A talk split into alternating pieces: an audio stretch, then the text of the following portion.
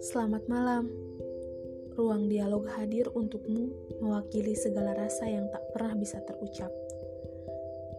Di sini aku ingin mengajak kalian bercerita dari apa yang dirasakan dan yang gak pernah bisa diungkapkan.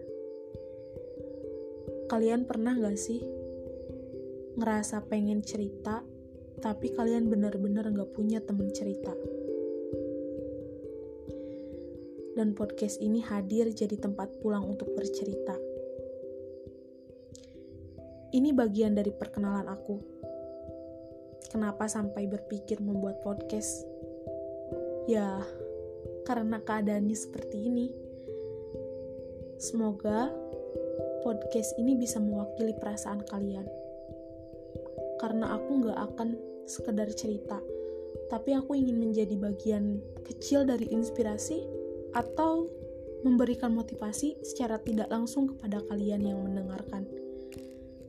Dan menemani saat kalian gak bisa tidur nyenyak ya pokoknya seperti itu. Sampai bertemu di episode selanjutnya